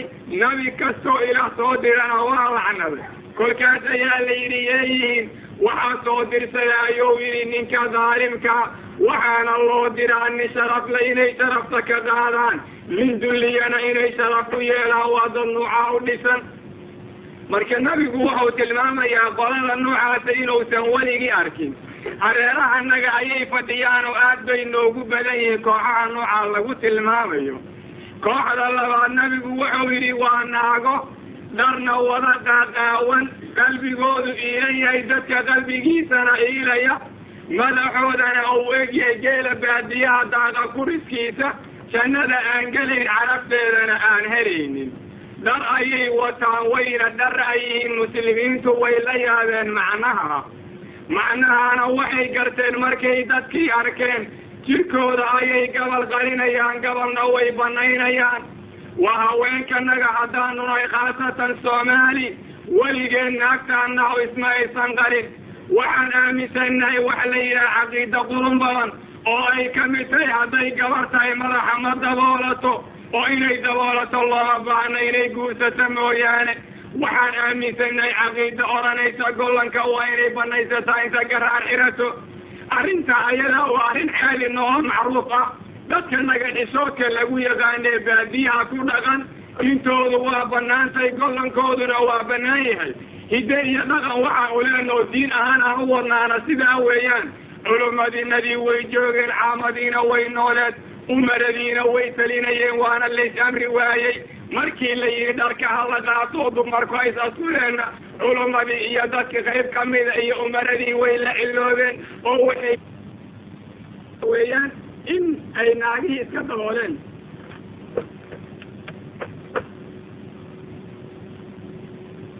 macnaha wuxuu odhanayaa dembiga halkaa ka jiraa waxa weeyaan naagihii ayaa la daboolay keli ah dembi kaloon u hayaa lama arko wax kaloon ku haystaana ma lahan laakiin waa dhala rog oo waxa weeyaan caqiide iyo cilmi aanan oqoon jirin baa meesha laga akriyey waxaan idhi qur'aanka weli ma akrida meel lagu akrinayo sama aragtay wuxuu iigu jawaabay haa aayadaanuma ka mid tahay waa ka mid waa ka mid waa runtaa laakiin caado malihin buu yidhi. Caado malihin marka wax alla waxa lahayo idil waa caado malihin haddaba nin alla ninkii naag hala qaawiye ku teliyey iyo ninkii yidhi surweel ha loo geliyo iyo ninkii yidhi dhinac khafiifa dariiqaha ku marto iyo ninkii tinteeda baneeyey kulliga dhaalimiin weeye.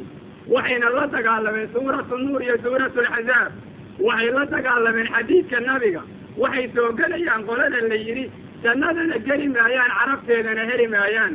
Haddaba walaalayaal aan ilaahay ka baqno subxaanahu wa tacaala nabigu wuxuu odhanayaa waxaa imaan doona naago jirkooda gabal qarinaya gabalna banaynaya nicmada ilaahay bay labisan yihiin shukrigeedana way ka tageen buu odhanayaa naagaha noocaasa iyo nin alla ninkii wadayaa jannada alla ma arkayaan sow nabigu odhanayo salawaatu ullahi wasalaamuhu calayh wuxuu kaloo nabigu noo tilmaamayaa qalbigoodu daacada alle waa ka sii jeeda dadka qalbigiisana daacada allay ka sii jeedinayaan marka diinta u kaalaya la yidhaahdo hoballada heesahooda ayay dhegaystaan meelaha shanaamooyinka lagama waayo iyo meelaha filimaanta lagu dilayo lagama helo maxalka kayrka salaada allana sooma xaadiraan madaxooda nabigu wuxuu ku tilmaamay geela kuriskiisa oo kale wuxuu nabigu ku tilmaamayaa salawaatu ullahi wasalaamuhu calayh.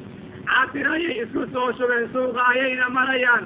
Naag alla naagtii ayadoo casir la suuqa martaa nabigu waa zaaniyo odhanaya nin alla ninkii fiirsadaana waa zaani kala ayuu odhanaya adduunka hadday sinadu ku badatana wuxuu ilaahay ballan qaaday inuu halaagayo cadow inuu ku sallidayo arsaaqada in laga hoojinayo in baynkooda la ysku dirayo ciriiri baynkooda la dhigayo taasuna waa midda maanta annaga gacanta nagu hayda.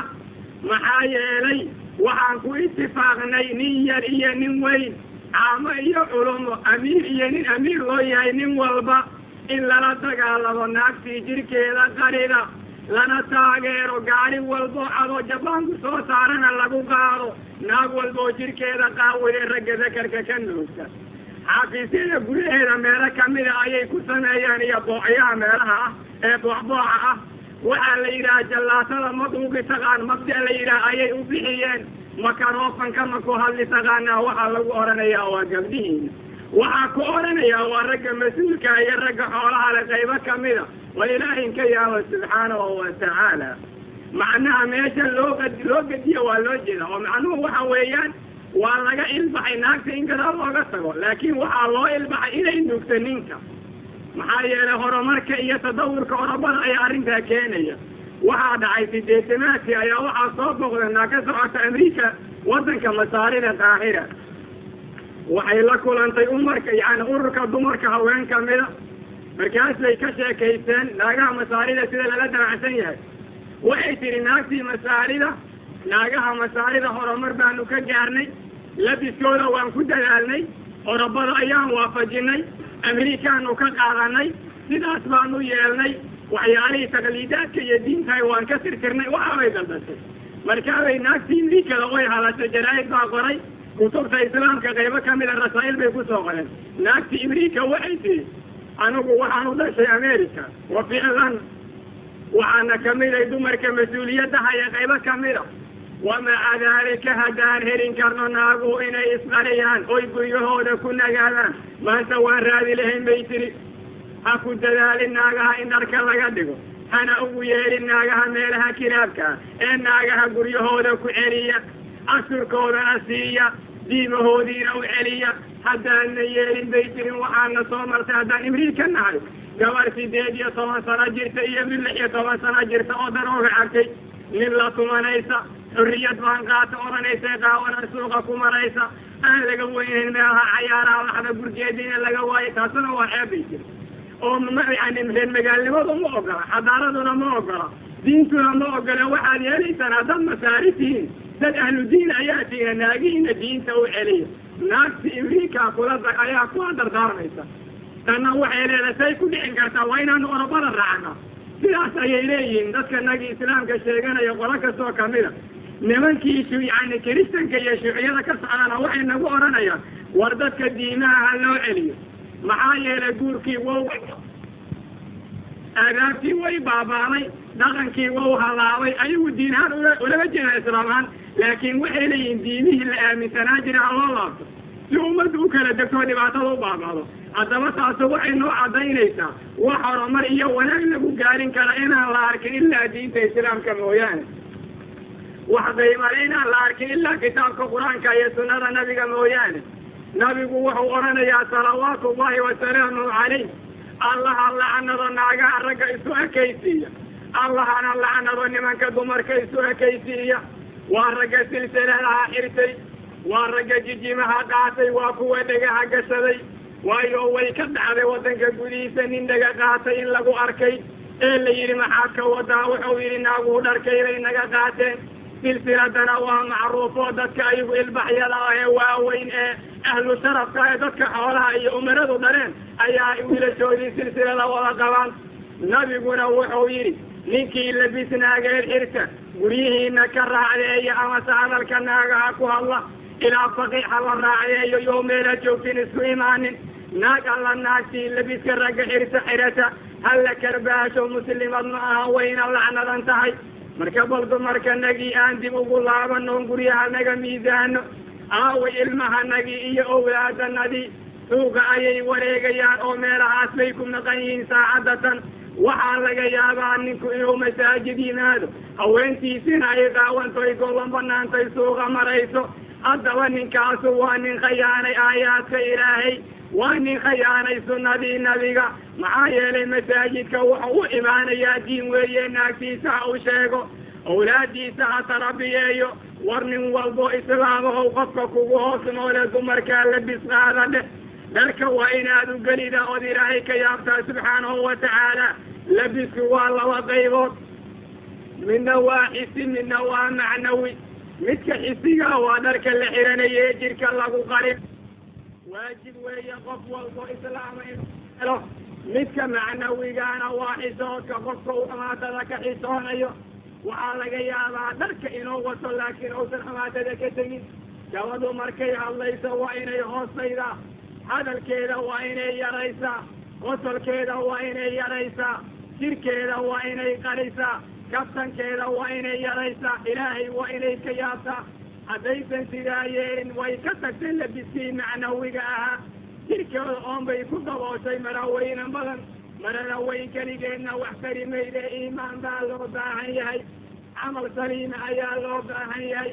Caqiida saxa ayaa loo baahan yahay. Ilaahay a laga yaabo subxaanahu watacaala ninka muslimkaa waxaa looga baahan yahay inuu asna ilaaliyo dharka xisiga iyo kan macnawiga labada jirkiisa waa inuu qariyaa uusan dabagaab suuqa ku marin.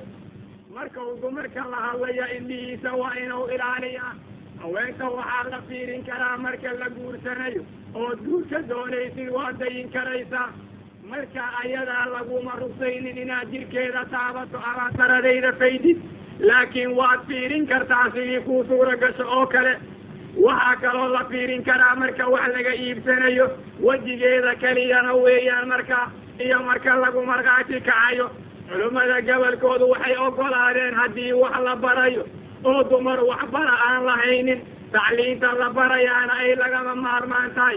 In wax la yani in wejigeeda la fiiriyana laga fursa waayey sida qof wax la karsiinayo ama habka salaada loo dukada la barayo kale ayadana markaa wejigeeda waa la dayin waa wejiga keliya waxa laysku hayee meel kale ma ahan naagtu jirkeedoo idil waa cawro xataa wejiga iyo calacalo waa cawro culummada gobol baa tiri wejigu cawra ma ahan wa bilxaqiiqa wejigu cawra weeye siinada ilaahay yidhi qariya ayuuna ka mid yahay maxaa yeelay siinadu waa labo midna waa ilaahbaa abuuray midna ayugaa kasbaday dumarku midda ilaahay abuuray waa jamaalka wejiga ah midda ay kasbadeena waa indhakuusha iyo waxyaalaha kale oo jirka ay marinayaan marka waxaa loo baahan yahay kulligood inay qariyaan haweentu waa inay wejigeeda daboosha ilaa isha bidaxda ay wax ka arkaysa mooyaane niqaab waa inay xirataa waa inay lugaheeda hoosa daboosha xabadkeeda waa inay qaridaa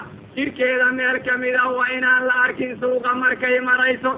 Haddii kale gurgeeda waa inay ku sugnaataa waayo nabigu xadiid buu ku odhanayaa gabadha muslimada u naxariista ilaahay bay ku dhex jirtaa alla intay gurgeeda joogto hadday gurgeeda ka baxdana naxariista ilaahay waa ka baxday oo waxay noqoto shaydaan badeeca oo suuq geysanayo oo kale ilaa inay cudur u baxday mooyaane cudurkana diinta islaamka ayaa caddayday hadday salaad jamiicaa soo dukanayso amay shay diiniyo waajib ku ah baranayso amay waalidkeysa waalidkeeda birigiisa u socoto amay sawjkeedii wax u qabanayso waxaana inuma bixin karto inta ka soo hartay waa mamnuuc. Marka ay baxayda ayuu oranayaa ilaahay. Walaa tabarajna tabaruja aljaahiliyati aluulaa. Sidii jaahiligii hore jirkiina ha u banaynina ee waa inaad qarisaan ood isdabooshaan kolkaas ayuu nabigu yidhi salawaatu ullahi wasalaamu calayh. Markay doonaysa inay suuqa u baxdo waa inay jirkeedoo idil dabooshaa ilaa isha ay wax ku arkaysa mooyaane. Maxaa yeelay nabigu wuxuu yidhi naag alla naagtii muslimada ee jirkeeda ku banaysa gurgeeda meelaan ahayn. Ayada iyo rabbi ballankii ka dhaxeeya way dilaaciday cadaabka ilaahay ayaana loo ballan qaaday ninkii raalli uga noqdaana ayadoo kale weeyaan marka axad walba bal u fiirsa xaaladdu meeshay taagan tahay. Waayo nabigu wuxuu yidhi salawaatu ullahi wasalaamu calayh. Dumarku waa xarkaha shaydaanku oo wax ku dhigto waxau ka fuulaa markay soo socoto naasaha dushooda markay sii socotona berida ayuu ka fuulin. Markaasuu kuleeya soo jeed qurxoonaa sii jeed qurxoonaa kaala iska arag waxaasoo idin shaydaan baa kuu siinaynaya. Marka waxaa la doonayaa in dumarka guryaha lagu hayo in guryaha loo celiyo in safarka laga joojiyo. Safarku xaaraan buu ka yahay naagta muslimada ah. Ilaa nin maxramkeedu inuu la socdo mooyaane nin ajnabiyu inuu la qaali noqdaa xaaraan bay ka tahay ilaa maxramkeedu inuu la jooga mooyaane waayo nabigu wuxuu yidhi nin ajnabiyu hadduu naag ajnabiya la qaali noqdo waxaa saddex ku noqonaya shaydaan waxuuna ka faa'iidaysanayaa dhexdooda war halla iska ilaaliya khalwada war halla iska ilaaliyo dumarka aan labiska qaadanayn war halla iska ilaaliyo haasaabada dumarka war halla iska ilaaliyo dumarka oo gacmaha loo taaganayo. Waayo nabigu wuxuu yidhi in gacantaada bir lagu garaaco oo lagu kawiyo ayaa kaaga khayr badan naag ajnabiya inaad ku taabatid. Salawaatu ullahi wasalaamu calayh. Waxaa nala hadlayaa waa rasuulkii ilaahay. War dumarka xijaab ha la siiyo dharka ha loo geliyo. Waa waajib waa fardu cayn.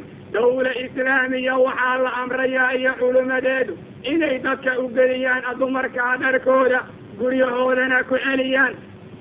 Dumarku way shaqayn karaan laakiin meel u dooniya waa inay ka shaqeeyaan ragga ajaanibta iyo dumarka ishor fadhiya ha la kala bixiyo.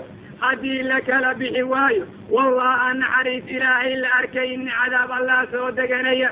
In alla inta lala dagaalamayo labiska islaamiga dumarkana daawanaanta loogu yeedhayo oo la leeyahay dalxiiska ayaa ku dhisan waayo duwalku waxay yidhaahdeen naagu hadday isdaboolaan oo isqariyaan wakaaladaha dalxiisku way baaba'ayaan waayo dalxiiska muraadka laga leeyaha waa naadaawan waxaa kaloo baaba'aya hoteelada waaweyn oo dadka ajnabiga ku soo degto cadaanka maxaa yeela naagaha ayaa wax iibiyo wax ugeeya oo isqaawiyo o ishordhiga haddaan sidaa la yeelin waxba lama helayo.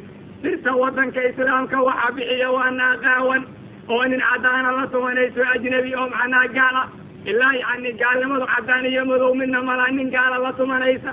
Waxaa kaloo bixiyaa waxa weeyaan naagahaa safraya ee dariiqyada ku wareegaya. Ee la leeyay orodoo gaariis tumasha u tag.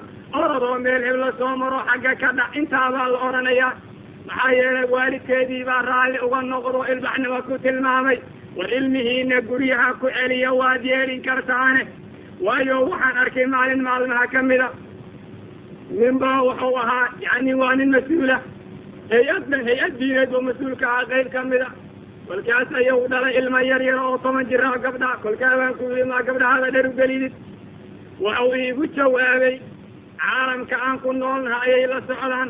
Waxaan idhi sow nin islaama ma tihid oo diinta asagu mas'uulka ah qayb ka mida oo la leeya waa hebel oo waxau aqaabisanya meel hebla. Kolkaa wau yidhi haa laakiin hadda gabdhahama mujtamacaan ka reebayaa haddaanan goonna u gadin haddaanan kidaa yeelin haddaanan shaneemada geyn mujtamacaan ka reebay. Indhahaan ka duu ilbaxnimadaan kala dagaalamay. Ilbaxnimadiima waxay noqotay gabadhaada iyadoo qaawan suuqa in lagu wato. Nabigu wuxuu yidhi saddex nin jannada ma gasho. Saddexda nin waxaa ka mida ninka khamrada sameeya iyo ninka waalidkiisa caasiya iyo ninka danyuuska la yidhaahdo danyuuska nabiga waa la weydiiyo wuxuu yidhi haweenkiisa iyo ilmihiisa iyo ahalkiisa ninka ku fiirsada macaasida danyuus baa la yidhaha jannada ilaahayna ma galo. Nin alla ninkii ku fiirsaday gabadhiisa qaawanaan iyo nin ajnabiya inay salaanto iyo inay dabaga u gashatay halkaa ku dhaqaaqdo iyadoo xabadkeedu banaan yahay. Waa nin danyuusa inay gacantiisa ka baxday ka xoog badida mooyaane hadduu danyuus noqdana danyuus jannada ilaahay geli maayo haddaba walaalayaalow xijaabka dumarka ha loo geliyo. Xijaabka marka la qaadanayo waxaa shardi ah inuu dhar adag yahay ousan jilacsanayn waayo jileeca nabigaa diiday. Waxaa shardiya inuu yahay dhar waasica oo gabadha jirkeeda kala gaara oo naasaheeda iyo jirkeedu ousan ka masawir weyn ka masamir weynin macnaa waa dhar weyn noqdaa oy ku dhex jirto arrinta saddexaad waa inuu noqdaa dhar aan caraf lahayn oon casir lahayn. Maxaa yeelay naagta isbarafuunida nabigu waa zaaniye ayuu odhanayaa arrinta kale waxaa shardi ah inuusan labiska ragga u ekayn. Shardi weeyaan shuruudaas ayadaa marka la hela ayaa xijaabka la doonayaa xijaabku mara gooniya ma ahan mara magaclana ma ahan. Waxaa la doonayaa mara haweentay jirkeeda qarisa.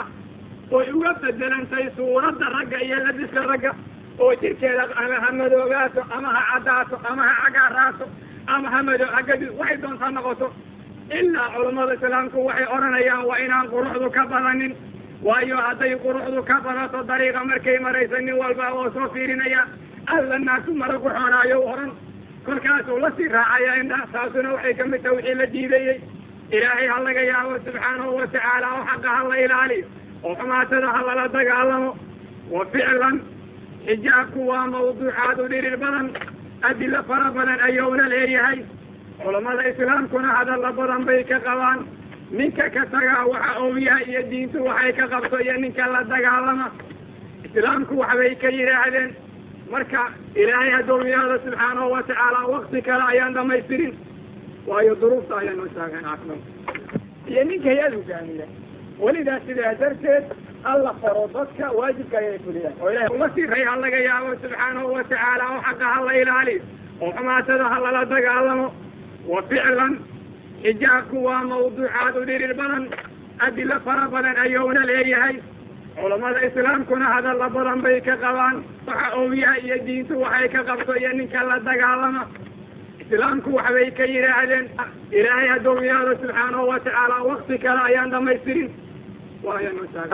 فيه ولتبتغوا من فضله ولعلكم تشكرون وألقى في الأرض رواسي أن تميد بكم وأنهارا وسبلا لعلكم تهتدون وعلامات وبالنجم هم يهتدون أفمن يخلق كمن لا يخلق أفلا تذكرون وإن تعدوا نعمة الله لا تحصوها إن الله لغفور رحيم والله يعلم ما تسرون وما تعلنون والذي الذين يدعون من دون الله لا يخلقون شيئا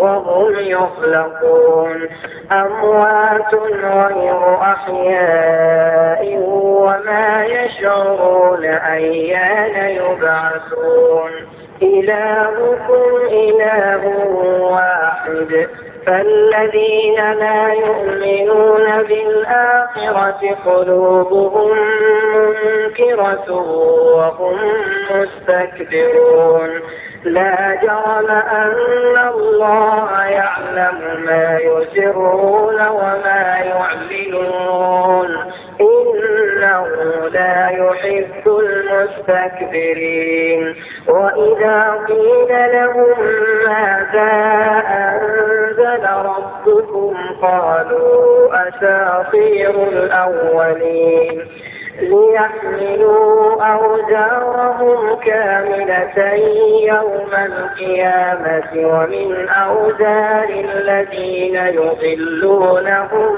بغير علم ألا ساء ما يزرون